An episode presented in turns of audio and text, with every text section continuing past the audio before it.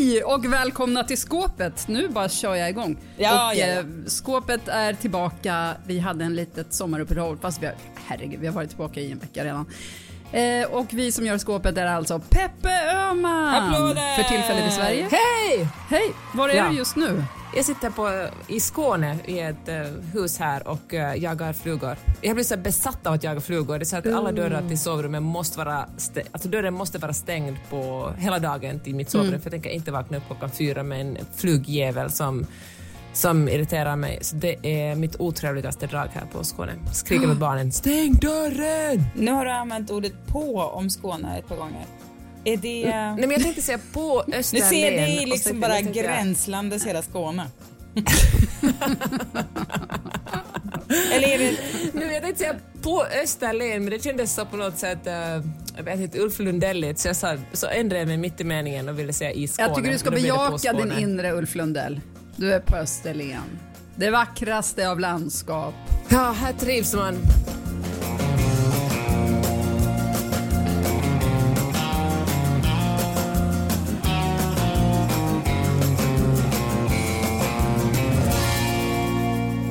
Jag tänkte att det hade kunnat vara lite så här överklass eh, finlandssvenskt annars. Använda en sån så här. Som att de som flyger På, på mycket... Skåne. Ja, precis. Det blir en sommar på Skåne. Eller hur ni nu säger. Ungefär som att de som är, de som är i flyget pratar om att de är så här, de använder också, är det prepositioner? Nej. Är det kon konjunktioner? Ja, det här, de här små orden, lite annorlunda för att de är i flyget, så de är så här på flyg, olika flygplatser och så vidare. Ja, och de använder liksom inte flygplatsnamn utan de säger flygplatsnamnsförkortningarna och sånt Ah, där. Jag är på LAX liksom, Ja, eller... exakt. Men jag tänker mig att det nu till ja. slut kommer kunna bli en så här celebrity deathmatch mellan er och era landskap. För att du är då alltså i Skåne på Österlen, Sissan Mhm. sitter på sitt älskade Kinnekulle på slätta. Gränslar, gränslar mitt berg. Gränslar Ja, Kinnekulle. Kinnekulle. Ja. ja, men Ja. det, Ja, det är ja, en döds... faktiskt, det, kan, det kan vara något. Det är en match helt utan, det går inte att på något sätt jämföra, så det tycker jag inte vi behöver ha. Det blir bara pinsamt för Peppe. Tycker det blir kul Så- om du någon gång köper ett hus någon annanstans så kommer plötsligt den, den platsen vara den allra bästa. Jo, men det är ju det som är Som- hela hemligheten. Man måste ju bara bestämma sig för ett ställe. Ja. Det är ju det Eller som vad är... som helst. i Nej, man livet. måste väl kunna byta. Men det... Jo, alltså, jo, jag- Man byter åsikt, eller man byter kärlek på basen om där man är just nu. Jag tror verkligen det är hemligheten Ja, att vara precis. lycklig. Man bara, Ja, jag trodde du menade att hon aldrig skulle flytta.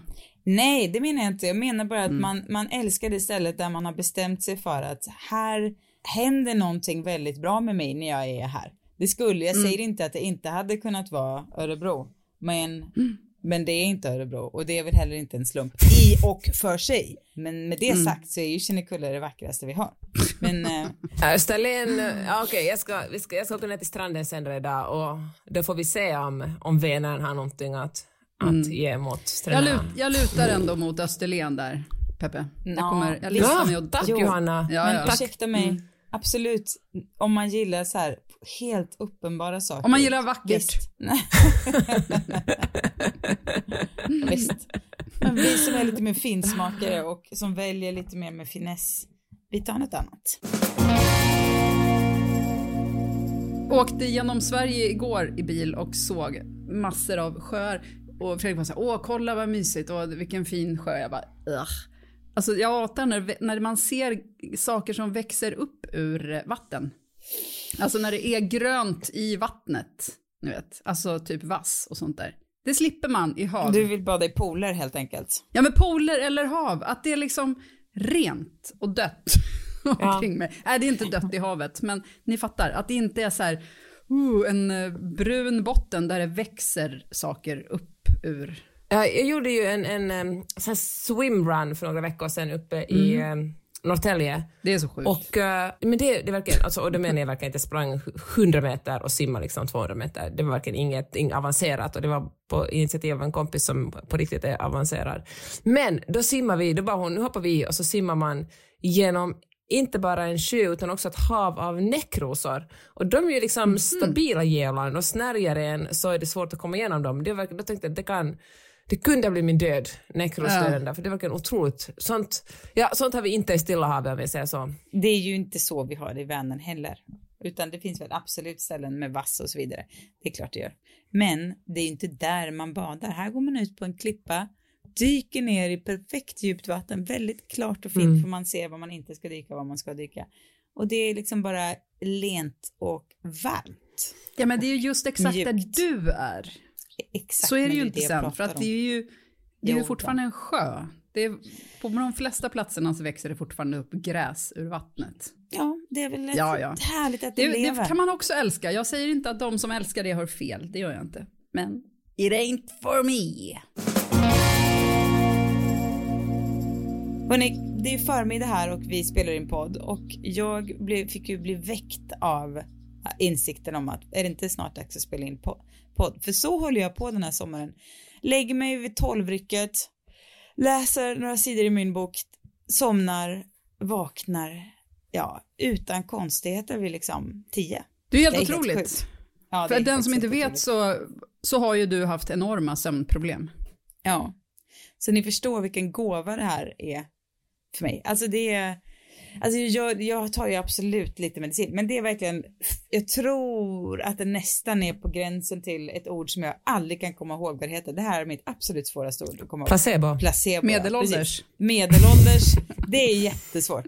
Medelålders livsmedel och Nej, jag, alla de där Placebo. orden med liv och medel, jättesvårt. Men placebo kommer jag absolut aldrig ihåg. Men så tack för att du hjälpte mig Peppa. Jag är alltid här för dig. Det kan nästan vara på gränsen till placebo. Men det handlar också mycket om att jag har ett rent huvud när jag går och lägger mig. Att jag inte, att så saker som jag vet att jag, som ligger och stressar mig, jag bara nej du, det tar jag imorgon. För aktivt bara bunta ihop allt sånt där och stoppa. Du får inte komma och störa mig nu för jag ska sova. Jag tror verkligen inte man ska underskatta placebo. Jag tror att det är en, eh, en jättestark kraft att eh, tro på någonting så mycket att det blir en verklighet. Både Ja. på gott och ont, men liksom i det här fallet och jättemånga medicinska fall på gott. Alltså, det är otroligt så ens hjärna kan få en att, att tro saker. Jag läste Ja. igår om hur, eh, kanske mer på lång sikt, men hur människor som tycker, som är, sådär, är rädda för att bli gamla och rädda för att bli gamla och skröpliga och har liksom ångest på ålderns höst, de, får det, de blir det ofta, de blir ofta sjukare och skröpligare.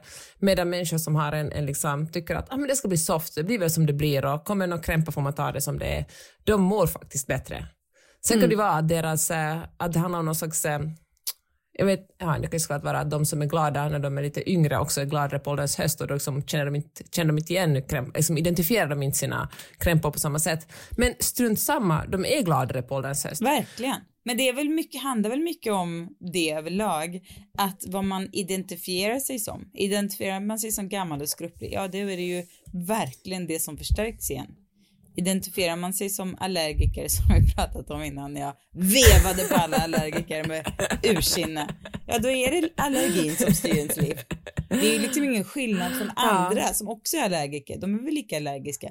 Nu tar jag allergiker som exempel. Det här kan vara precis vad som helst. Då, då är det ju det som blir ens liv. Liksom. Ja. Stackars allergikerna. Ja men okej, okay, men folk säger sådär, åh jag har blivit så glömsk på sistone, det är nog säkert för att jag är, är en viss ålder. Eller så du bara kommer ihåg alla gånger du glömde bort någonting. Alltså jag menar, man kanske sätter för mycket fokus på just den saken för att man på något sätt, det finns något så här bekräftelsejäv. När man, ser, man börjar tänka på någonting så ser man bara den saken och identifierar bara den saken och då blir det liksom ens verklighet. Och ehm, Det finns ju ett ord för det här som även Sissan kommer att tycka är svårt. Nocebo. Att för Jaha. negativa Ja, just- förväntningar gör att man får, alltså det blir ännu värre. Ah.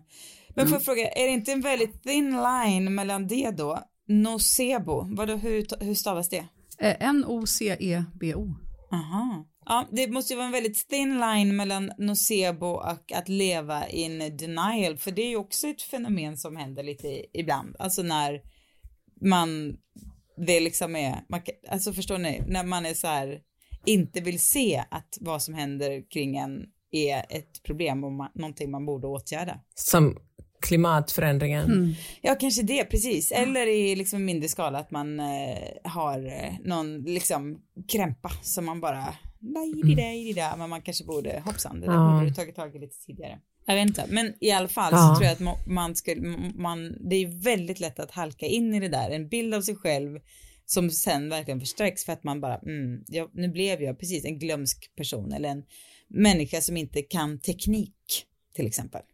Ja, just det. Och det är väl ett det, är- jättebra ja, men exempel. precis, så, det, det är lite grann den här sån är jag-mentaliteten som vi ofta kommer tillbaka till. Att man bara så här, lutar sig tillbaka och bara, nu är det så här, då kommer det Ja. vara så. Det är ganska skönt och för jag, sig. jag kan inte hitta, till exempel. Men det är ju ganska, ibland är det ju ganska bra eh, verktyg att till också. Som till exempel när barnen var svå, små och min, min paradgren var mamma badar inte. Det var ju inte det Mm. att jag inte badade. Jag bara hade ingen lust att bada med barnen. Så då sa jag, Ja, ja, mamma precis. badar inte. Sån är jag, mamma Mm, badar inte. Och då slapp Mm. jag ju bada. Så man kan ju Mm. välja, kanske ska vi säga två, tre sådana saker i livet. Jag har ju till exempel, jag, lagd fru ligger. Jag rör mig inte ur sängen när jag gått och lagt mig. Om jag behöver vatten, då får någon annan ordna det åt mig. Om jag behöver att det ska släckas i huset eller så, ja då är det inte, i alla fall inte jag som gör det.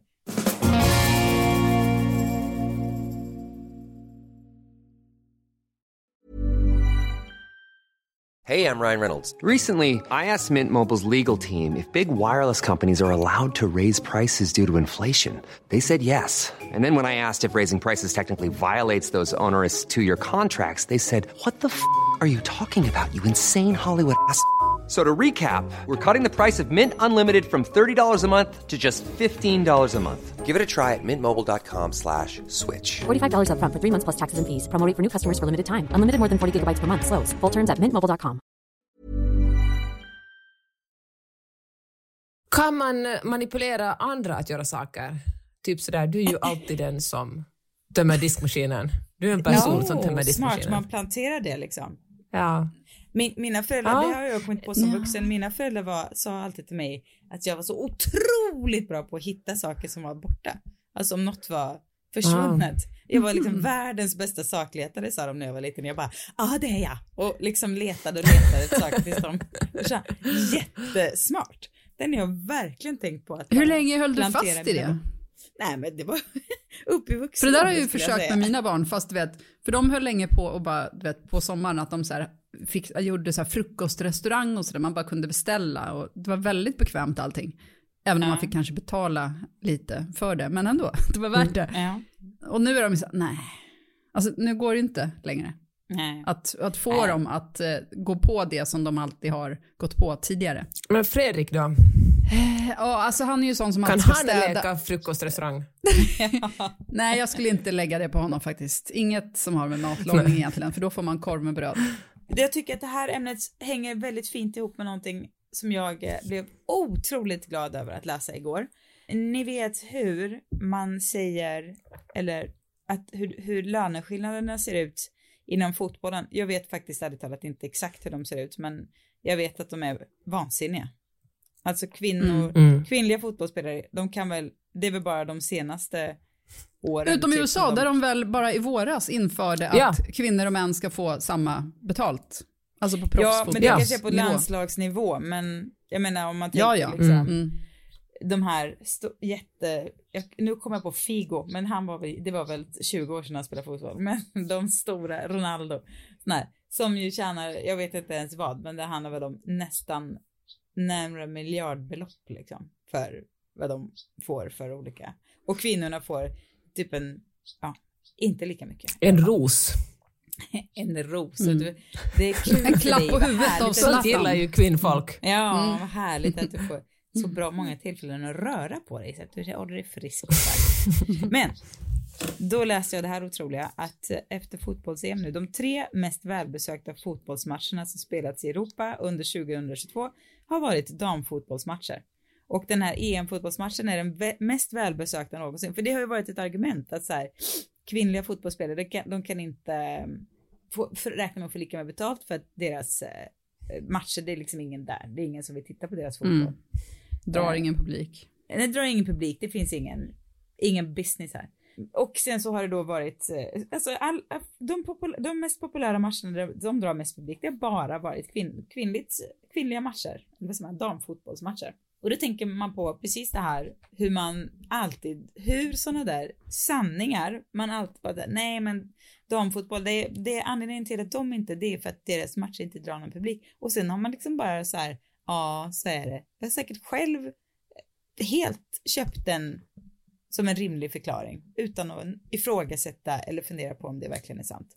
Och då tänker man på hur både läskigt det är att det är så, men, hur, men också hur härligt det är att det är så, för då är det ju så otroligt många så här sanningar som man kan tillåta sig att släppa för att sista ordet är aldrig sagt på något vis. Eller hur? Mm. Mm. Mm. Ja, men jag, jobb, jag jobbade på Veckorevyn på 90-talet och då när man diskuterade vad som skulle vara på omslaget, det fanns nästan inte en diskussion för att då var sanningen att det skulle vara en rosa eller ljusblå bakgrund och det skulle vara en blond tjej på omslaget. Ja. För inget annat säljer. Nej. Och eh, men nu har ju det förändrats, jag vet inte, pastellfärgerna är väl fortfarande där, men det är också väldigt mysigt med pastellfärger, men det har ju åtminstone diversifierats en aning på omslagsmodellerna. I och för sig så är ju magasinsbranschen också dött. Är det, är det på Ja. grund av att, att vi har gått ifrån dessa ariska kvinnor? Ja, ah, det var därför. Det är bara därför som folk har slutat köpa tidningar. ja, det måste vara därför, Jonna. Men jag tänker att vissa sådana sanningar är ju också kulturellt betingade. Jag tänker på att ha barn och i USA så är man eh, Ja, men det är annat att få barn i USA än att få barn i till exempel Finland. Jag har testat på båda. Och eh, en sån här sak till exempel när, eh, när jag var gravid i Finland då också efter att, att Vida föddes, då fick jag mycket frågor om hur mycket alkohol jag drack och hur mycket jag rökte och, eh, och liksom och det var, fyllde i liksom så här, så här många glas om dagen och du vet väl att man inte ska dricka som gravid och så vidare. Inte ett ord om det i USA. Däremot var de väldigt noga med min vikt. Och sen när Maj-Lis föddes jag sa hennes vikt, för jag kommer ihåg att hon, vi tog henne på typ någon så här, minns inte hur många månaders kontroll det var, och eh, då var barnläkaren lite så oroad över att hon var en tjock bebis. Och sa att vi borde kanske vara noga med hur vi ska, hur vi liksom, ofta vi matar henne för att det här är ett litet, här är en liten tjockis. Och eh, vi struntar ju såklart i det, men, men eh, det, det var liksom en, en, en annan väldigt tydlig kulturell skillnad tycker jag, är att i USA så är det ju strängt förbjudet att sova med bebisar. Och, eller barn överhuvudtaget. Det är typ så att man föder bebisen så sätter man in den i ett annat rum och eh, där ska den leva liksom tills Så den fyller rysligt. 18. Ja. Och om den gråter så är det bara för att den vill bråka med den ska lära sig att, att sova ensam. Men jag tänker att det är också så fruktansvärt besvärligt för mamman eller den personen som matar bebisen att stiga upp mitt i natten, springa in i ett annat rum och liksom amma och sen gå tillbaka till sitt eget rum istället för att bara liksom vända på sig och sticka in ett bröst eller en nappflaska i munnen på ungen. Men det som, samtidigt det som jag också tycker är så konstigt med sånt här är, alltså till exempel om man i Sverige har, nu minns jag inte vilket håll, alltså i Sverige ska man väl åka bakåtvänd bilstol i x antal år. Och i USA är reglerna, eller liksom råden tvärtom. Och om man är från Sverige så tycker man att det ena är så sjukt och om man är från det andra landet så tycker man att det andra är så sjukt. Att man tror Ja. alltid att det som man själv har lärt sig är det rätta. Alltså det kan ju finnas Ja. många olika undersökningar, många olika sanningar som är rätt och man behöver inte vara så rädd för att testa. Alltså det är ju, ah, alltså jag vet inte, att låta bebisen sova i sitt eget rum, alltså jag, jag, för mig låter det ju sjukt, men jag kan inte tycka att vill man göra så, så visst, liksom. Ja, Jag- jag är så sjukt. you do you. Tillåtande där, ja. Ja men det är som det här du vet, med långa mammaledighetstider, det är klart det låter toppen, alltså så som vi har här. Men det finns ju massor av länder som inte har det, där barn också växer upp och blir helt normala personer. Så att det är klart att det inte måste vara så att man är mammaledig svinlänge. Att allting funkar ju. Det finns ju inte något land som kan säga att, "Nej, men kolla här, alla, alla som växer upp i det här landet där vi gör så här och så här, vi blir as, eller vi blir de absolut bästa personerna. Nej, fast vissa saker är ju ändå så här, annars, annars finns det ju inga sanningar alls. Vissa saker måste ju ändå vara så här. Alltså nej, om tänker, i det här så tycker jag inte det finns, alltså vad, vad finns det för sanningar? nej, Fast nej. så här, alltså det kan ju, men vänta nu, nu har jag, jag har en spaning på det här som inte handlar om om barnen blir lyckliga eller olyckliga eller bra dåliga människor utan snarare på hur samhället fungerar. För jag tänker så här som i jättemånga länder, bland annat då liksom Japan, Japan är väl det bästa exemplet men inte långt därefter kommer eh, Korea och sen Kina också, där kvinnor helt enkelt sådär att, nej vi tänker inte, alltså vi tänker inte gifta oss, vi tänker verkligen inte få barn för att det, är, det här samhället är för ojämställt. Alltså, vi ska jobba och sköta om 100% av allt som har med barnen att göra och har liksom knappt något eget liv för oss själva utöver det. Så vi väljer att, eh, inte träffa någon. Och det har gått så långt så, för det första är det ett jättestort problem eftersom det inte kommer några nya skattebetalare eftersom det växer upp så få barn och det finns ingen som tar hand om alla gamlingar. Mm. Men hela samhället har påverkats av det här så det finns till exempel både i Korea och i Japan restauranger som är, är designade för en person, det är liksom en persons bord och eh, för att det finns så många som lever som singlar. Och jag tänker att, att man på något sätt, eh, det är kanske inte är exakt samma sak som att hur man sover med sina bebisar, men hur ett samhälle ordnar föräldraledighet och hur jämställt och ojämställt ett samhälle är påverkar ju i längden hela landets ekonomi och liksom framtid eftersom om man gör det väldigt oattraktivt samtidigt som kvinnor får lite mer rättigheter än de inte ens skulle rösta, ja. så blir det ju mm. en, eh, det är ju en, det får ju ganska grova konsekvenser. Jo, men samtidigt det är väl jättebra att det är något land som inte frökar sig jättemycket för att sen så blir det ändå överbefolkning på planeten och folk behöver sticka till andra länder. Jag vet inte, det kanske är ett naturlig, mm. naturligt urval att då kommer det finnas plats över där när, när alltså klimatflyktingströmmarna sätter igång mm. på allvar om några år. Men det här med överbefolknings, det är ju inte, de nya, eh, vad säger man, projektioner, nej det är något sånt ord jag letar efter. Aha. Alltså när man estimat, mm. kanske ja. något sånt ord. Ja. Eftersom folk skaffar färre barn så är inte överbefolknings eh, kaoset lika, alltså det kommer inte vara lika mycket människor som man först, för man trodde för några år sedan. En annan mm. sanning som ja. inte är, in, som kanske, ja, det kanske inte är bara för att man säger att någonting är eller blir på ett visst sätt, saker ändrar sig ju. Jag säger inte att det kommer fortfarande födas mycket folk och barn, men inte på samma sätt man kan ju, man kan ju på ett sätt att man i USA säger Det kommer inte heller få aborteras lika många barn i USA, så därmed mm, kommer det mm, skapas massor av nya oönskade små stackare. Amerikaner. Ja, mm. de värsta.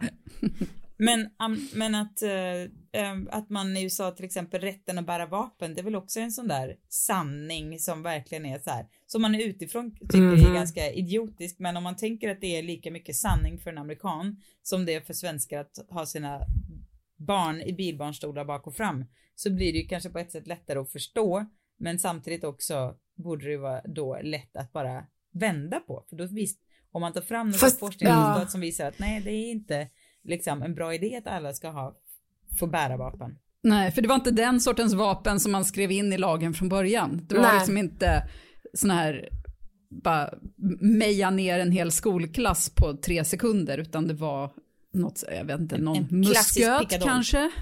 Nej, någon ja, musköt som man laddade med, med finkornig peppar eller något. Jag vet inte. Men Ja, det är ju verkligen, för jag tycker det är alltså en jätteviktig poäng att det är liksom, man kan inte vara sådär att ja, ja men det, det är liksom, det är okej okay för att så tycker ni bara i er kultur liksom. För att eh, om det finns, alltså om man kan bevisa att det här är skadligt för andra människor, då ska det ju aldrig vara okej.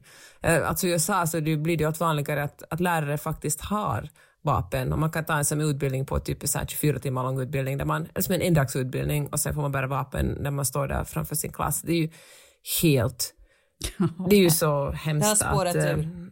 Ja. Ja. ja. Vet du om dina barns lärare har vapen? Nej, vi bor i Kalifornien, alltså det finns, det är det landet, alltså Fast det är väl USAs jättemånga som har vapen i Kalifornien? Också. Kanske inte i ja, Santa Monica i och för sig. Men alltså, jag tror att det finns, alltså, det finns, men det, det finns jättemånga som har vapen, men hur de har fått vapen och liksom vem som får bära vapen tror jag är... I Texas får man ju liksom ha det på vissa campusområden, men sånt går ju absolut inte i Kalifornien. Nej, men för grejen att jag, jag inser nu att jag lyssnade precis på en, alltså, en Conan O'Brien-podd och hans assistent eller som hon kallas, alltså det är hon väl, men i alla fall, hon pratade om, för de pratade just om vapen i Kalifornien. Hon var så här, nej men jag känner, jag vill inte just det, jag, jag känner ju visst folk som, alltså de bor ju också i typ dina trakter. Och, mm. Så att det, är, det finns väl mycket mer vapen än vad man tror, för man tror inte att LA-are ska ha det. Nej, det finns det Absolut, men, men alltså själva lagstiftningen är liksom, tror jag, lite, mm. eller jag vet jag, är striktare än i många andra på många andra håll.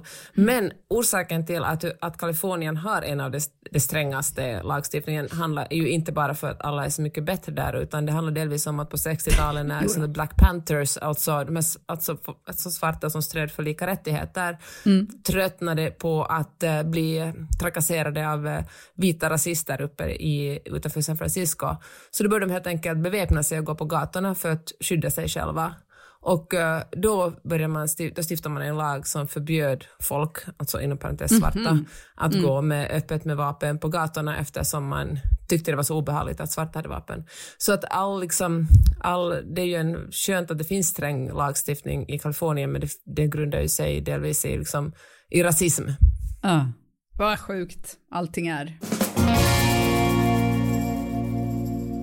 Mm. Men hörni, det finns ju fler exempel på såna här sanningar. Jag gör med såna här två fingrar runt för att, eh, jag menar inte sådana som är sanningar utan sådana som vi upplever som sanningar och som har svalt ganska länge och ganska mycket som man så här lite i efterhand kan eh, småskratta åt. Till exempel har man ju alltid fått höra att så här att killar det är, det är raka rör, säger som det är, kommunikationen är pang på, det finns, man vet, det finns inget skvaller eller mm. skitsnack i alla fall, utan det är tydlighet. Det är ju det absolut minst sanna eh, någonsin. Alltså, det, finns, det är ju en individfråga helt enkelt. Vissa människor är sådana, men det har ju ingenting med killar att göra. Det finns ju så många mansrelationer som är så otroligt förljugna och eh, där det göms mycket Ja men man absolut inte pratar ut eller är rak alls för man pratar mm. typ inte mm. ens om något Verkligen. annat än fotboll. Men just ja, men, men det här som är kvinnor och män, att på något sätt män har branda, alltså vi har branda ilska, det är liksom ingen känsla. Man ser att kvinnor de är hysteriska och känslosamma och det är en den ena känslan, en den andra, men män de liksom är inte lika känslosamma. Men män går ju omkring och är förbannade från morgon till kväll. Allt, är det de allihop? Allihopa! det är en vrede som sipprar. Vem är det som, som skriker i trafiken och liksom blir sur på en för det ena och det andra? Och liksom, det är ju män, herregud, som blir arg mm. för att man säger nej tack. Liksom. Det är ju herregud män, men... men blir de arga när man säger nej tack? Eller hur menar du? ja, Vem tänker du på då? På Vad lever du för liv egentligen, Peppe? Nej tack. Ah! När, när de bjuder ut sig menar jag liksom, om man bara tack men nej tack. Ja, ja, ja, du menar så. Ja. Så det var om du nej, men det är därför som man, en kaka? Det är nej, därför tack. man säger... Ah! men det är därför det finns en strategi när någon liksom försöker, det händer ju verkligen inte ofta nu för tiden, men man försöker ragga på en och man bara nej tack jag har en pojkvän, då är de okej. Okay. Men om man bara säger nej tack är de sådär va? Varför kan, inte? Alltså, hur kan du säga nej? Men också om kvinnor så har man ju fått växa upp och höra att kvinnor, eller kvinnor, tjejer kan inte vara, leka tre. Vad är det för påhitt? Alltså, ja, och den, den vuxna person som, som säger sånt till sina barn nu för tiden, den, den, den skulle jag faktiskt, jag tror så här, skulle jag höra någon så här obekant människa som jag inte överhöra den personen säga så till sin dotter, då tror jag nästan att jag skulle gripa in faktiskt och bara ursäkta. Mm. Det där, så där, jag, ja. jag, du vet, det är, näst, det är sån våld på kvinnligheten att påstå en sån sak. Och det gör ju folk fortfarande. Men ja, men jag undrar varifrån man hörde det första, alltså när, vem fick man höra det ifrån? Eller har man läst det? Alltså jag tänker så här, du läste man Frida när man var liten och bara, jaha, ja just det, här står det det, mm, okej, okay, då är det så. Eller ja. för jag har så svårt att se det framför sig att, att mina föräldrar skulle ha sagt något sånt Ja. ja, men det var bara en sanning. Men i skolmiljö. Ja. men hur blir det en sanning? Alltså det är det som är så märkligt. Man måste ju höra det från ja, någon det, som alltså, bara, just det, ja men då stämmer det. Ja, i vuxen, jag tycker motsvarande i vuxen ålder är att det alltid måste finnas en man med på arbetsplatsen för att på något sätt neutralisera kvinnorna för att annars blir det så mycket skitsnack och, och liksom... Då kacklar de bara omkring, får inget vettigt gjort. inget blir gjort. och de bråkar, inget. jag antar att det blir massa catfights. Ja, ja. ja. så blir det ju. Det. Eller också det här att kvinnor inte håller varandra om ryggen. För att säga att jag har liksom alltså 99,9 procent, om inte 100 procent, är det bara kvinnor som har hjälpt mig i min karriär. Det är liksom kvinnor som har befordrat mig och gett mig jobb och tipsat om mig och snackat gott om mig och presenterat mig för andra människor. Väldigt sällan en man som har gjort det. Men kan vi säga så här, ja. det här kanske vi kan slå på något sätt ändå, för, liksom se det, att män är ju otroligt mycket bättre på att liksom branda sitt kön, alltså på ett positivt sätt. De har liksom mm. planterat så här att nej men vi förtjänar jättemycket pengar för att vår fotboll är så himla mycket mer intressant. Vi, vi är så otroligt raka och tydliga och vi får saker gjorda. Det är inga konstigheter. Uh. Och sen har vi kvinnor inte ens försökt branda oss själva på ett positivt sätt utan det har mer varit saker andra har sagt. Men vi har bara, haft ja, så mycket det. annat för oss. Det är det. Vi har ju varit tvungna att sköta allting annat medan killarna håller på varför med gick sin man branding. med på det ens från början och bara, ja det verkar Ja, det är rimligt. så varför konstigt. fanns det ingen... Men vi har inte hunnit Varför- med. Vi har inte anat vad de håller på med bakom vår rygg för vi har haft fullt upp med allt annat. Ja. Jo men varför höll, hade vi fullt upp? Varför var inte så här, är det verkligen rimligt att jag ska ta hand om alla barn, inte jobba? För det tycker någon och jag ska, eller jag vet inte, liksom, varför har ingen Mm. bara så här, vänta lite nu, varför, varför har man inte, varför har man ja, men nu tar vi tag i det. så många negativ, sådana ofördelaktiga sanningar? Kvinnligheten som bara, ja, okej, det verkar rimligt. Alltså varför har vi, varför, varför är vi liksom inte programmerade och bara vara så här, vänta nu, så här, det här känner jag inte alls igen. Utan istället har vi bara, ja, Fast vet du vad, alltså jag Ja. läste en bok som jag tänkte tipsa om i slutet av den här podden, men jag, jag talar mer om det sen, men den utspelar sig i slutet på 1800-talet och den där är kvinnorna sådär, men vad är det här, vad är grejen med den att det bara det handlar om konstnärer? Varför är det liksom bara manliga konstnärer som får synas och ta plats och kämpar emot dem? Jag tror också att männen har en sån alltså byggt ett sånt, eh, en så jävla mur där de bara lyfter fram varandra. Det är svårt att, att ta sig igenom den. Och nu fattar jag sen menar liksom ännu tidigare. Hur lät de ens börja bygga en sån mur av, av liksom glastak eller, men eh, Ja, men jag, jag tror verkligen att, att det inte är nu eller på 70-talet eller på 40-talet eller på 1800-talet eller liksom på 1700-talet som kvinnor störde sig på det här. Jag tror liksom att, att, den här, att det har funnits en irritation på det mycket längre än vad man tror.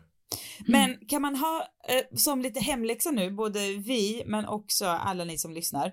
Om man tänker på alla sådana här liksom sanningar som man lever efter och har i sitt liv och som kanske begränsar en och som man, ja men som, som är liksom, finns där och styr ens liv lite. Om man tar och försöker identifiera några sådana och kanske bara så här tänker tanken på, tänk om det inte är sant, om det inte alls behöver vara så. Jag kanske inte är allergiker. Nej, men... Nej, men det Jag får- kanske kan gillar jordnötter innerst inne. jag, jag tar den och sen bara får vi ett mail. om bara, Du är Eller får jag säga en till? Det här att, att det, protein finns bara i kött. Det är väl en ganska Ja. seglevad Ja. sådan. Ja, Ja men då även den här enorma tron på hur mycket protein man behöver. ja. Ja. Alltså. Ja. Nej, det är inte sant. Man bara kan ta och se över sina sådana här, eller ja precis där, jag behöver kött, eller jag måste äta. Jag vet, det kan, finns ju så mycket som man har fått för Mm. sig som man tycker är så här. Men, men vad härligt att bara så här släppa taget om det. För det härliga med det är ju att man ger sig, om man tänker så här tycker jag, att man, nu är jag sån här och gillar det här, det kan ändra sig vilken dag som helst, ingen vet. Mm. Då är det som att man ger sig själv så många chanser till andra liv också. Och på något sätt gör att livet känns Mm. längre liksom när man all, när det inte går att liksom förutse för att man, för helt plötsligt så kanske jag upptäcker att bergsbestigning är min stora grej så jag blev besatt av det i tio år. Eller vad Mm. vet man, då får man ju ett helt Ja, annat men jag tycker, Mm. ja, men det är som att om man har bestämt sig för att nej, men jag tycker inte om sån här mat eller du vet såna här smaker, då är det ens plikt att bara fortsätta ändå, bara för att se, jag kanske kan komma över den här tröskeln, eller nu kanske jag har kommit över den här tröskeln, nu har jag inte ätit det på fem år, nu testar jag igen. Ja. Förstår du vad jag menar? Att det, liksom, Mm. Ja. att det finns så mycket där. Men däremot så måste jag i och för sig säga att jag själv har precis gått tvärtom, för jag har insett att jag, att jag inte står ut med spiskummin. Det är sorgligt. Åh nej. Så, så många indiska rätter som försvinner. Jag trodde det skulle komma något så här, något lite, om jag ska vara ärlig, jag trodde det skulle komma något lite djupare eller större. Mm. Ja, Och sen jag vet. Jag vet. Det är där jag gillar att överraska. Ja. Nej, men jag käkade någon hummus och det var spiskum. Jag, höll på att kräkas. Det var hemskt. Ja, okej då. Nej men det... Jag har ändå Ja. klarat det under stor del av mitt liv och nu, nu har Du har kämpat på. någon Nu är det Nej men slut. absolut. Ja, nu är det slut. saker kan man, men vi vet inte om tio år så kanske du älskar spiskummin. Ja, jag menar, kommer fortsätta kämpa, det är det som är det värsta. Så ser ni mig sitta och hulka någonstans, då är det spiskummin som jag trycker i mig. Jag ger inte upp. Nej. Hua, hua, hua. Alltså Sissan, det var du som tipsade mig om Emma Hambergs sommarprat som Ja. eh, jag lyssnade på igår. Och hon är väl en jättebra person att, eh, att eh, ja, men, lyfta ens blick från det just den, att, de där tankarna som jag också kan känna igen mig i, herregud vad töntig jag är och kan Ja. jag verkligen hålla på med sånt här. Men hon, eh, hon skriver en sån fin hyllning till livet och att eh, man måste tänka på döden för att då förstår man hur viktigt det är att, att sluta tänka på om man har för, om man har magtröja eller för kort eh, kjol eller vad som helst annars. Verkligen. Jag tycker det var mycket fint. Jag tycker absolut Kul, jag ska det lyssna på det. Ja, ja men det, någon, det, var, det fanns många bra små guldkorn och framförallt så var det så himla mysigt berättat. Alltså det är ju verkligen hela, Ja. det är ungefär som en serie är bra eller inte handlar så mycket om tycker jag om det är liksom mysigt paketerat. Men hennes sommarprat var verkligen mysig ton så. Och så fanns det många små guldkorn men just det där att man så här alltid ska tänka på döden. Det är väl jättebra. Om man, om man bara är så här, ja men ska jag göra det här eller inte bara, men titta här står ju döden. Ja då gör jag. För liksom, alltså, Ja. och att sluta lägga energi på Åh, något kilo hit eller dit eller liksom rynkor och alltså bara herregud man får ju leva, man får ju med om allting, det är väl ändå det viktigaste. Hon tar ju också om det här att, eh, att vara över 50 och känna sin libido och vara sexig och eh, ligga så mycket som möjligt. Och inte bara ligga utan också leva. Eller Ja. inte bara leva utan också ligga. Båda två i alla fall. Det tycker jag var befriande. Verkligen. Att mm, få, kunna få vara liksom, men hon beskrev ju hur kvinnor i hennes ålder, alltså det är den här kultur, eller någon slags dis, ja, debatt som har funnits kring kvinnor som bara, jag är över 50 och jag är så stressad över min egen betydelselöshet som kvinna längre och sådär. Kan, kan någon få Ja. på med namn? Vilka är det som har, har, har, har Men det? Anne Heberlein var väl en, och vad heter hon, Åsa, som skrev förra kulturchefen på Aftonbladet. Linderborg. Lindeborg, just det.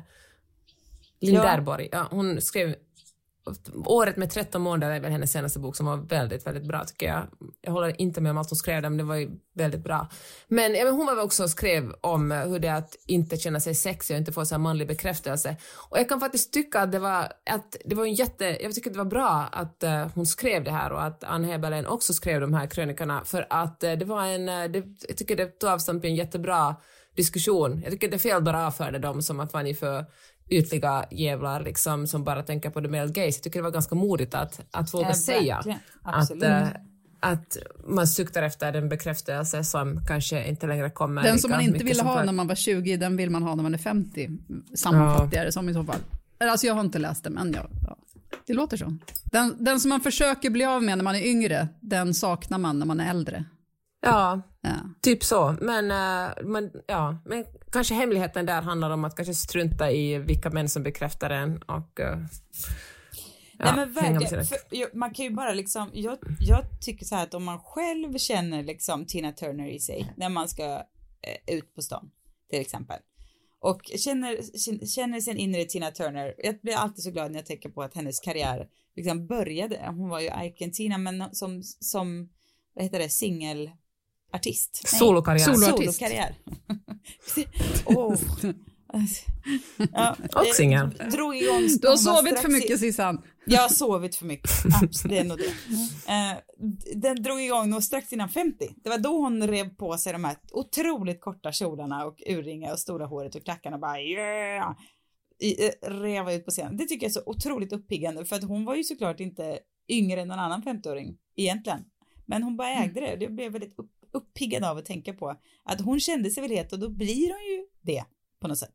Men är inte hon också ett jättebra exempel på vikten av eh, att eh, representation och förebilder? Alltså om man inte hade en Tina Turner eller någon annan kvinna som tog den platsen i så här 50-års eller 60-årsåldern skulle det vara mycket svårare. Där får man verkligen och kanske ibland ta sig ur sin bekvämlighetszon och verkligen känna sådär att är den här kjolen för kort? Ja, kanske nu, men efter att jag haft på den så kommer det att vara norm.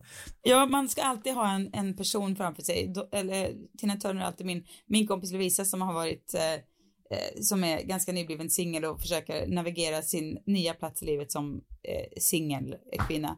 Hon frågar sig, eh, what would Dolly Parton do? do? What would Dolly Parton do? I, eh, så gott som dagligen i sitt nya singelliv. Och så tänker hon sig så här, hur skulle Dolly Parton liksom hantera den här? Alla får väl hitta sin, det kanske inte är Dolly Parton som är, men hon har liksom. Dolly Parton har väl levt ska- i ett äktenskap i typ 100 000 år. jag tr- jo, men jag tror mer att Även det är om en man mental, ryktas det att inte hon- att det är olika, ja små, ja ja, det var inget. att hon har bytt man. Nej, hon har väl samma man hela tiden, men det kan ju finnas relationer utanför. Ja, ja, ja, precis. Nej, jag tror inte hon tänker att hon vill liksom se ut eller leva exakt som Dolly Parton, utan mer att det är ett mindset, man är, att man är lite så här Mm. värdig, lite snappy, lite, liksom lite eh, elegant, men ändå är lite fackigt och gör saker på sitt eget. Jag vet inte exakt, men skit, det är inte det som är poängen. Det är inte alla, Nej. Dolly Parton är inte för alla, utan man, man ska ha sin egen så här styrkekvinna som bara, och så frågar man den styrkekvinna, what would Tina Turner do? När man ska gå ut Mm. Och man står där och känner sig, varför ska jag som är 43 och med de här fnasiga benen och hängande mungiporna eh, få ta på mig en, den här korta kjolen bara. Och då tänker man, what would Tina Turner do? Ja, inte fan skulle hon stå här i alla fall. Det är ju min bild av Tina Turner. Kanske hon skulle, vad vet jag, men min bild av henne skulle hon aldrig, hon skulle bara riva på sig en jävla paljettkort och gå ut och äga den här jävla kvällen. Då, Det är alltid, man måste ha sin kraftkvinna. Hörni, vi har fått en uh, stilfråga, Karin fråga på mitt Instagram om eh, Johannas tips från förra veckan. Du sa Johanna att du ville ha mer eh, bälten, mer midja, mer liksom, eh, ja men nu är det slut på det här eh, liksom flowiga kaftanerna. Mm, nu blir det en höst. Ja, och då säger Karin så här, om man är, en, eh, om man är liksom rak som en planka åt alla håll, hur gör man då med midjan? Men det är väl ännu bättre då, alltså, för jag känner att jag är typ samma, särskilt efter den här sommaren när jag har ätit chips varje dag. Eh, men det, det är väl precis då man bara drar åt skärpet och sen så skapas en... Men jag tycker att en sån här rak kropp tycker jag är så fantastiskt eh, eh, snygg med just den här eh, mag, magtröjan. Alltså har man inte en, en så här kurvig midja eller så, då kan man väl ha lite så här, om det nu är att man vill, vad är frågan, alltså hon vill vad då? Vill inte gå runt i stora Nej, men hon Vill hon hon ha- vill ha bälte. Hon vill ha bälte, men hon vill också gärna att det ska, liksom, det ska inte bara vara en, en, ett, ett streck på hennes kropp, det ska verkligen, hon måste accentuera Men hänger inte det bara på vad man har för plagg runt? Alltså jag är ingen stilexpert, eh, expert, men jag tänker, alltså, har man, eh, beror på vad man har runt. Alltså om man har på sig tight och sätter på sig ett skärp, då är det ju, då är det ju samma samma. Eller? Säger- Det känns som Sissan är den mesta mode Ja, det är Sissan, din fråga. Här. Ja, nej, jag, jag, jag vet inte. Jag, jag förstår inte riktigt vad det, är hon, vad det är hon vill, men skulle jag ha en så här rak kropp, då skulle jag absolut ha lite, så här lite större jeans som satt liksom lite på höften och sen någon tröja som slutade precis i linje med det så att man såg en liten glipa mellan byxa och topp då och då. För det tycker jag, och spetsig sko till och en så här oversized kavaj. Då skulle jag känna mig very 2022, men också eh, het. Då kan de väl ha ett skärp i den där byxan. Det är jättebra svar. ska ha skärp. Eller vad är grejen med skärp? Det var bara jag som tog upp skärp. Men det var ju att jag tog upp skärp bara för att jag var så, usch, jag har, ja, men det, när man har gått runt i såna här väldigt, väldigt vida klänningar som jag sätter på mig om jag är i typ Frankrike för att man kan bara glida runt där inne. Man har sitt eget lilla krispiga tält. Eh, och så blir man... Så vet man inte vad som händer där under. Det kan ha gått man upp både vet 5 och inte. Man 10 äter kilo chips, utan att... det är vad som händer där under. Enda gången man tar av sig tältet är när man badar typ. Sen så Och sen glider man runt. Ja, ja, ja. Ja, bra. Mm. Och en annan återkoppling från förra veckan. Jag efterfrågade ju tips på integrationsmöjligheter. Eh, möjligheter. Nej, men alltså för egen del. Jag kortfattat eh, har alltid känt att eh, man vill inte vara en sån här svensk som kommer och är så här. Ska jag hjälpa dig lilla ny, nyinvandrade eh, somalier? Här kommer jag och ska berätta. Alltså det finns någon sån här kolonial skam i det. Men sen så har jag hört på Diamant Saliers sommarprat där han berättade om hur det var någon svensk person i hans närhet som fanns där och visade hur Försäkringskassan funkar och att det var liksom en sån hjälp. Och då kände jag, det här, ska, det här måste jag ta tag i. Jag måste kunna bistå och förbättra integrationen istället för att sitta och förfasas över vad som inte funkar. Då i alla fall blev vi tipsade, har jag blivit tipsad om nya kompisbyrån.se där man kan signa upp sig och så kan man, kan man tussas ihop med en eh, person som, eh, ja, där man kan börja etablera en kontakt och relation. Låter otroligt Mycket bra. bra. Ja, och så var det någon som tipsade om att Röda Korset ofta också har sådana här eh, projekt på gång i sina, ja, så, men jag, så jag, jag kan absolut ta emot fler tips, men nya kompisbyrån.se, där har jag i alla fall signat upp mig hittills, men jag kan ju, jag kan jobba på fler ställen. Det är så bra. Bra. Vet du vad, jag tror faktiskt det, som vi kanske talade om förra veckan, att man blir lite lyckligare om man slutar tänka så himla mycket på sig själv och uh, fokuserar på någonting annat ibland. Verkligen. Som du är alltså gör inte- Sissan. Nej jag skojar. Ja. Det gör du verkligen inte. Men, nej, men jag tänker så här, folk som är sådär, åh, jag är så introvert, jag är så djup, det är så mycket jag måste tänka på i livet och för att jag är så Verkligen, djup. Gör inte det. Mm. Sluta Nej, tänk på dig Tänk själv på någon annan och eh, Ja. ja. Ja, eller bara sluta fundera så mycket på skit. Så, nej, verkligen, jag håller med. Det, det kan väl också vara en sån här sanning man kan bryta, att man är så här, om man är introvert eller inte, eller man är känns, bara släpp det och nu kan du ha Mm. alla chanser varje dag. Gör något en- annat något istället. Ja, precis, och bli en ny Ja. variant av dig själv. Det finns alla chanser varje dag att göra det. Ska vi tipsa? ja. Ja, Jag vill tipsa om en eh, bok som kommer ut se nu den 24 augusti. Jag vet att förlag hatar när man tipsar om böcker innan de kommer ut. Men beställ den för den är faktiskt jättebra. Den heter Fredagsklubben och utspelar sig i New York nutid och eh, i Stockholm på sent 1800-tal. Och det handlar om författaren Hilma af Klint som är en otrolig konst... Säg författaren. Jag menar konstnären. Konstnär. Målaren. Hil. Ja, hon är konstnär. Och uh, hur hon och fyra andra kvinnor uh, träffas varje fredag och uh, har så här andliga seanser. Och hur, hur de, ja men hur den här, de, hjälper, de här seanserna hjälper dem i sin, i sin konst. Och hur svårt det var att vara konstnär på att vara kvinnlig konstnär och liksom ta plats på och få liksom utställning och sånt på 1800-talet.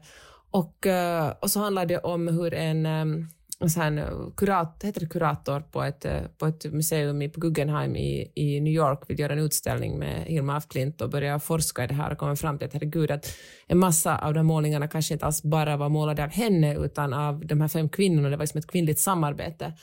Och eh, innan den här boken så läste jag en feelgood som jag tyckte var jätte, jätte, jättetråkig så jag hade nästan Alltså jag var så att gud, kanske, kanske böcker inte är någonting för mig längre. Och så började jag läsa Fredagsklubben och var så där att åh gud vad jag älskar att läsa riktigt bra böcker. Och jag har varit på så att gott jag humör. älska den här boken så mycket. Den känns som den har ja, alla rätt. Precis vem hade skrivit den, sa du?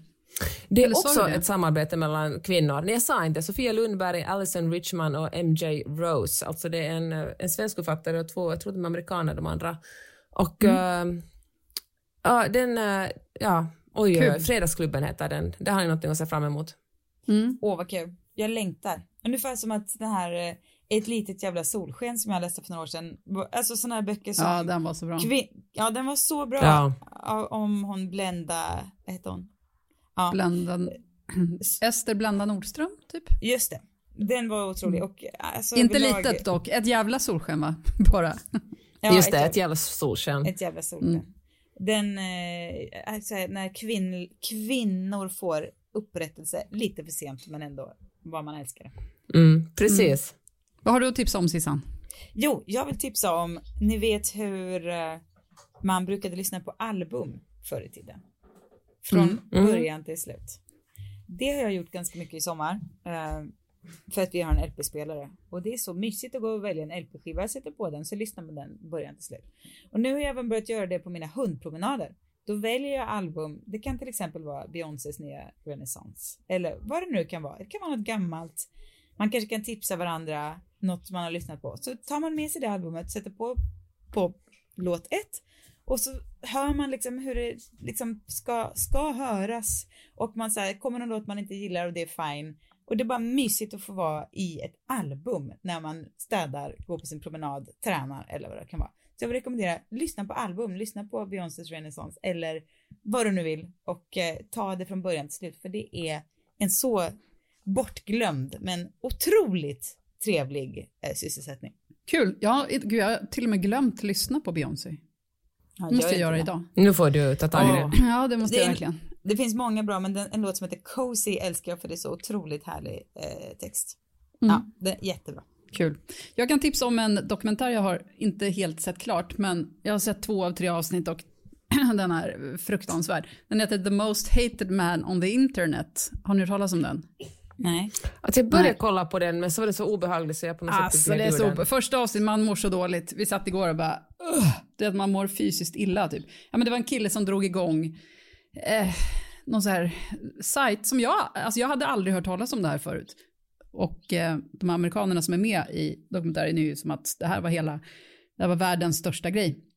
I alla fall, han startade en sajt som hette Is anyone up och där la folk upp, eh, du vet, hate, alltså revenge porn typ. Fast det var väl inte porr som Mm. han la upp, fast det var nakenbilder, det var bröstbilder, det var kukar, alltså allt möjligt. Folk kunde lägga upp bilder som deras ex hade skickat till dem och sen så snackade folk skit om dem på internet och det förstörde ju liv och folk försökte ta livet av sig, vet, när, för att de fick de här bilderna spridda och allt möjligt. Ja, Den är hemsk, men den är bra. Jag ska se klart den idag. Kan rekommendera om man vill må illa och sen känna triumf. Men vad är illamåendet? Är det liksom att den sajten ens fanns eller är det liksom, vad är Nej, men Ja. över att alltså, de här personerna som har blivit utsatta, alltså många av de som är Ah, med, ja, ja, vet, det är sån Det är deras misär. perspektiv. Att man börjar så här, det är så sorgliga historier och man ser liksom deras blickar och man förstår själva ehm, vad heter det, kraftlösheten, nej men du vet maktlösheten heter det, i att ens nakenbilder som man inte hade tänkt att någon skulle se, plötsligt bara Mm. poff, här är de. Eh, min bästa kompis brorsa skickar runt dem till sin klass, eller du vet, vad som helst. Usch. Säg igen vad den hette. The most The most man on- hated man on the internet. Och han är alltså Hunter Moore, han som startar den här sajten och han är ett vidrigt as. En sociopat, liksom. Som är också väldigt stolt. Han skapar ju liksom någon sorts kult-following kring sig, så att han får ju som en armé av idioter. Ish. Som, Fy fan. Ja, ja, jag, blir, jag blir i alla fall Sevärd. intresserad. Just det, jo, men vet du vad, men jag har suttit och funderat här på, nu i början av hösten så har jag så väldigt, väldigt många projekt. Och de är stora och de är små. Och den här, just idag så är jag allra mest peppad på att gå och fixa ögonbrynen för att det kommer göra en stor förändring i mitt liv känner jag just nu. Alltså, och sen så har jag även ett sån här, måla om ett rum, eh, byta det där, fixar och det är så mycket. Vad har ni för projekt? Nej, men jag, jag en snabb fråga ut. Nej, jag längtar Ja. också efter det här. Att gå till salongen, fixa till brynen och bara känna mig befriad på cirka ett kilo ögonbrynshår som har burrat upp. Men har ni något sånt här höstprojekt i övrigt, alltså förutom ögonbrynen, för att de, de behöver man ju jämt. Men Ja. alltså, Ja, har ni något Jag annat som ni bara så här, känner på kokar att- i er? Jag eh, håller så sakta på att skriva en ny bok, alltså en ny hästbok för barn. Så det håller på att verkligen forcera fram typ en sida om dagen. Det har varit mitt sommarprojekt och den ska jag försöka ro i land den här hösten. Mm. Men vet du vad?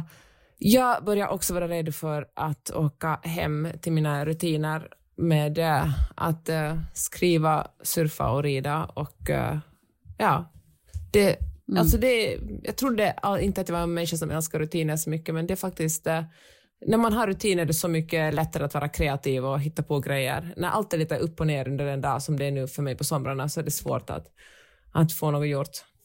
Ja. Jag längtar efter att vår Blankens, vi har ju en underbar kontor, vår Woman Cave i Gamla stan som jag, och jag älskar att vara där för jag tänker att det är typ min egen lilla etta på stan som jag får vara i och sådär. Men så fick vi ju en vattenläcka i december. Började rinna bajsvatten från grannens lägenhet ner i vår lokal. Och sen har den renoverats sen dess. Um, men i september så ska det vara redo, i, äntligen, så vi kan flytta in och då ska jag spela så mycket bra musik, jag ska sätta in blommor där och jag ska hänga där varje dag och då får man komma förbi och prova och kolla på skor och väskor också om man vill. För då kommer det vara mitt kontor. Ja, ja det längtar jag efter så att jag nästan går sönder alltså. Mm. Uh, ja, och Ja, Johanna, det är ett jag, fint med. ställe att hänga på. Jag kommer. ja, du och jag, jag och Johanna är också med ett gäng andra kvinnor, en ganska otrolig resa eh, planerad i slutet av Ja. augusti. Som är, ja det vet jag inte, det känns så, det får vi ta då, men det känns ju jättespännande alltihop. Ja, det är så väldigt, det blir väldigt intressant. Eller Ja, det, intressant är fel ord. Det blir otroligt, kommer det bli. Men det blir också intressant för det är många man inte känner och så ska man åka på en eh, liten resa. Verkligen. Det blir kan gå hur som helst. Nej men det kommer bli jättebra. Mm. Kvinnoflock. Ja, nu känner jag sån FOMO så jag måste lägga på för att jag kommer ju inte att få vara med på den resan. Nej då är du ute och surfar någonstans istället. Ja, det är väl okej det också. Vi ses nästa vecka hörni. Och tack alla ni som lyssnar. Kom ihåg att gå in och prenumerera på den här podden för det betyder mycket för oss. Då lyfter algoritmerna upp oss och det ser bra ut. Och eh, ja, ni är fina. Hör av er. Vi uh, hörs nästa vecka. Hej då! Hej då! Hej då!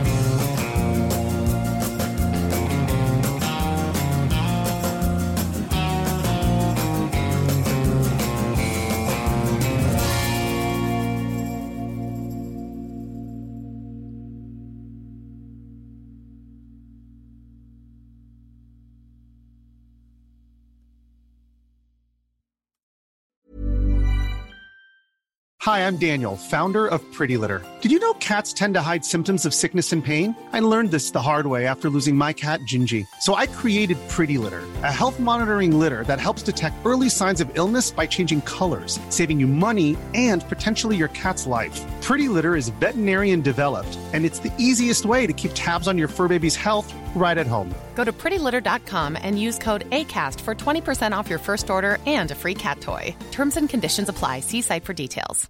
This message comes from BOF sponsor eBay. You'll know real when you get it. It'll say eBay Authenticity Guarantee. And you'll feel it. Maybe it's a head turning handbag, a watch that says it all, jewelry that makes you look like the gem, or sneakers and streetwear so fresh every step feels fly. eBay gets it. So look for the blue check mark next to that thing you love and be confident that every inch, stitch, sole, and logo is checked by experts. With eBay Authenticity Guarantee, you can trust that feeling of real is always in reach. Ensure your next purchase is the real deal. Visit eBay.com for terms.